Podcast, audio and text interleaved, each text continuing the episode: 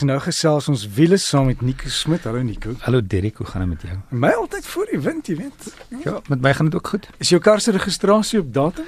Hy is hoe gaan dit nou net sê ek ek moet my ehm um, my lisensie vervang nou, ek het skoon vergeet. Ja, jy kry net 'n paar dae ehm um, grasie. Grasie, Dis ja. goed dat jy my herinner. Ek het nou nou het ek aan dink o, gats, is Oktober, ek moet my kar se registrasie. Ja, anders kom jy daar by pad mekaar en sê meneer daai vangbaar klim in. Ja, dit gaan nie lekker wees ek as ek op vakansie gaan en in in my vakansie is minder daar by die see, nie soveel daar by die see, maar net nog Ja, minder. jy gaan net geld mors jy weet as jy dit nie in in Ja, tyd doen. dis 'n goeie plan. Nommerplate? Wel, Dirk, ehm um, nommerplate, ek is nogal verbaas dat die die Duitsers nie die eerste persone was wat nommerplate uh, op voertuie aangebring het nie, want hulle was die eerste persone wat wat 'n voertuigregistrasie ou voertuig die eerste kar gemaak het is ehm um, Carl Benz, die eerste kar gemaak in 1886. Ehm um, maar het nogal rukkie gevat en die Franse snaaks genoeg was die eerste persone wat ehm um, aan aangedinge dat bestuurders weet hulle voertuie kan identifiseer. Dit was in 1893 en jy dink hoe lank gelede is dit al wat die eerste nommerplaat op voertuie was. Maar aanvanklik kon jy dit was basies meer net 'n identifikasie vir jou voertuig. So jy kan selfs jou voorliters gebruik het. Ehm um, dit is nou 'n geval van as daar 'n ongeluk is, weet hulle wie dit is of daar's miskien skade aan eiendom en natuurlik baie eienaars het erkenning gesoek. Ehm um, so dit dit was aanvanklik hoe die nommerplate begin het. So hulle het eintlik maar 'n bietjie gespog. Dis ja natuurlik, nie eers fyn spog nie. Koos se kar. Ja. Presies dit. natuurlik was karre baie duur, so in 'n geval, ehm um, ja, aanvanklik toe karre begin het, was dit ehm um, um, wel is nou nog steeds 'n huiseprys, maar karre was maar aanvanklik nie net net baie baie ryk mense kon karre be bekostig. Ek dink ons is weer terug daar.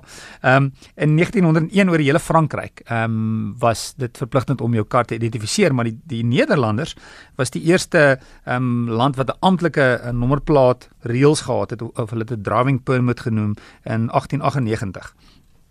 So dis al 'n rukkie terug. Die FSA 1901 um in in New York het hulle aan het was die die idee met nommerplate of die nommerplate moes um 'n wit agtergrond hê met swart nommerplate en dit was aanvanklik net in New York. So jy moet onthou hierdie is nou iets wat stadig aan ontwikkel. Um en um aanvanklik was die die reëls maar redelik los ook. Byvoorbeeld in in in Nederland was dit hulle begin met die nommer 1 en nommer 2 en nommer 3 en dit het toe redelik vinnig verander. Ehm um, so dit het nogal 'n rukkie gevat tot omtrent eers in die 1950s was daar basiese standaarde vir nommerplate wat wat wat voertuie identifiseer en wat gegaan het oor areas. Byvoorbeeld as jy kyk in Suid-Afrika, ehm um, elke provinsie het 'n nommerplaat en in, in die FSA, elke staat het 'n nommerplaat en 'n staat het dan sy eie embleem op die nommerplaat. So ja. jy ehm um, daar weet in FSA is hulle baie nogal kleurvol. Suid-Afrika is nog nie so kleurvol as die FSA as jy nogal kan jy nogal verbaas wees so, oor so, so kan jy nog 'n nommerplaat onthou? Wat wat was T L en ja, ek dink ook E ook nee nog voor dit was dit ehm ehm T A ehm en dit was in Gauteng en ehm um, T P T J was Johannesburg se kry onthou. T T 1 was die burgemeester se Daar's ja, dis reg. Dis reg. Ehm um, die Amsmotor. En dis nou nie dis nou nie die James Hall of Transport die die museum in Terfontein. Ja. Johannesburg die nommerplaat is daar. T ja. T J 1 T J 1 en hulle die motor se ligte ook gehou. Maar dis dis baie ja, die vlaggies. En natuurlik, jy moet wys as jy sien jy moet wys as die burgemeester. Ehm um, tans is die die die standaarde daar's om en by 3 standaarde vir grootes in Europa is die grootte 520 mm by 110 of 120 en in Amerikas is dit 305 by 152 mm. Hulle is nou so 'n bietjie meer vierkantig en ehm um, Asië of Europa is dit 372 mm by 135. Suid-Afrika se grootte is 440 by 120. So elke land is bietjie anders. Ek moet dink ook die vervaardigers moet ook dan toelaat dat die nommerplaat op die voertuig kan pas en ook dan toelaat vir verskillende groottes. Elke land daar's nogal 'n groot variasie van nommerplate. So ek ek dink dis nogal iets wat ons nie aan dink nie, maar die vervaardigers moet dan sê hoe gaan dit hoe gaan hierdie nommerplaat op die voertuig lyk of hoe gaan hierdie nommerplaat op die voertuig pas in die natuurlik moet dit aan die voorkant wees en aan die agterkant. Ehm um, die materiale ook aanvanklik is is nogal interessant. Ehm um, die ehm um, nommerplate is gemaak van hout of metaal of karton of leer of koper. Ehm um, veral in die Tweede Wêreldoorlog toe toe toe metaal baie skaars was, het hulle koper en selfs uh, saamgeperste sojabone gebruik om nommerplate te maak. Ek weet nie wat gebeur as dit reën nie. Ek weet nie hoe hard is hierdie saamgeperste sojabone. Ek weet of die perde eet jou nommerplate op. ja, jou nommerplaat gaan nie so lank hou. Ehm um, en natuurlik 'n uh, persoonlike nommerplate ehm um, waar jy dan ehm um, jou voorletters kan gebruik of ehm, 'n um, sekere snaakse naam kan gebruik. Ehm um, en in Brittanje veral is is is hulle uh, kyk hulle nogal na nommerplate want mense kan nogal name of woorde gebruik uh, wat wat wat wat kom ons sê nie gewenste woorde is nie, lelike woorde. So hulle is nogal ehm um, baie ernstig om om te kyk sekere name en en nommerkombinasies kan iets leliks uitskryf. So hulle is hulle is nogal baie hulle sal nogal kyk na die nommer en sekere nommerplate word nie toegelaat nie. En natuurlik met hierdie persoonlike nommerplate, is sekere nommerplate is baie gesog.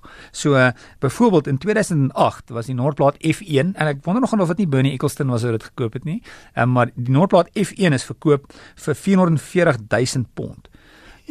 Ehm um, maar dit was nou toe nou snaaks genoeg in in in ehm um, die Noordplaas wat wat toe die duurste in die VK is um, en dit uh, dit was 518 1000 pond. Met ander woorde dis 9.7 miljoen rand was die nommerplaat 25 0.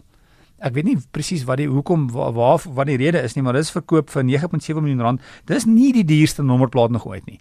Die duurste nommerplaat nog ooit was natuurlik in Abu Dhabi, ehm um, die nommer 1 As jy nou moet raai, wat sal jy betaal vir die nommer 1 nommerplaat as jy 'n uh, ryk persoon en chic ah, is in Abu Dhabi? 'n miljoen dollar of iets seker.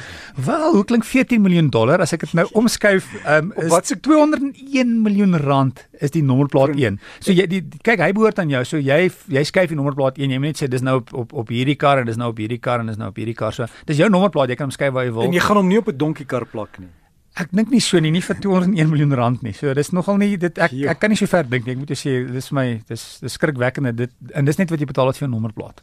Jou nommerplaat is meer werd as jou kar. En ek sien Annetjie sy het 'n boodskap gesê T T1 was Rustenburg. Ehm uh, so iets of TL ek is nie seker nie en ja. tik tik en sy sê hulle het 'n Zephyr gehad. En sy sê die soort van die nommer dit, dit was TL56 of so ietsie gewees. Ja, mes mes ont, ont ek probeer nou dink ek, ek mense kan nogal die nommerplate onthou toe jy klein was die die karre se se nommerplate ek weet dit was T1 toe hulle verander alfabeties en waar ons nou is. En ons kan nog steeds jou eie nommerplaat kry in Suid-Afrika. Daar's sekere webtuise waar jy kan gaan toets en jy kan ook by die lisensiekantoor. Dit kos meer ja. en jy kry gewoonlik jou gewone nommerplaat en eers dan kan, kan jy jou eie naam probeer kry as hy nie alreeds geneem is. Ja, so dit is natuurlik as jy wil as jy wil meer uitstaan is dit is dit 'n goeie opsie. Ja, so Nico 1 wat hier buite is, is dit joune? nee, myne is die, myne is net 1. Dit het net voor ek um, voor ons gaan, jy het verlede week het ons het jy gevra oor ehm um, gedeeltes van jou kar wat wat wat kom ons sê 'n sekere leeftyd het of net 'n sekere tyd hou. Ja, dit moet gehersirkuleer word. Dis reg. Ja. So, ehm um, dit is maar goed, so mense moet maar besef as jy 'n kar koop, ehm um, 'n kar het ek ek wil nie sê 'n rak leeftyd of 'n pad leeftyd, maar daar's net 'n sekere tyd uh, wat goed gaan hou en dit gaan moet vervang word. So byvoorbeeld jou battery gaan dit net 'n sekere lewe dan moet dit vervang word. Ehm um, veral as jou kar se bande staan is dit nie goed nie, maar bande het ook eh, 'n uh, sekere leeftyd dan moet die bande vervang word selfs al het jy baie goeie loopvlak. As die band byvoorbeeld begin kraak, ehm um, is dit tyd om dit te vervang. Dan ruitveers moet jy maar besef is iets wat wat gaan gaan. Ehm um, daar is ook ehm um, is 'n kar lank staan is dit nie baie goed nie want ehm um, enige meganiese deelte gedeelte solank hulle beweeg en smeer en die rubbers beweeg, ehm um, dan is dit nogal beter vir die leeftyd van die kar en as 'n kar vir, vir lank staan is dit regtig nie baie goed nie. En behalwe vir dit natuurlik die lewe van van karre is die diertjies is nogal geneig om ook groot skade te maak as 'n kar lank staan. Um, en ook jou lugreëling sit mos nou dan aan net om daai seels na. Dis reg. Ja, en die ander ding is ook die vir die lugreëling nou net jy dit noem is hitte. Maak seker dat jy dit warm maak want andersins wat gebeur as dit net altyd koud is, is daar kan daar swam opbou in die in die filter van jou ruglede. Ja, wel jy gaan jy gaan seker. baie seker raak. So uh, maak seker dat jy die die net weet net deur 'n hittesiklus gaan met jou lugversorger as hy net altyd koud is en is koud en nat. Ehm um, CAW, cold and wet.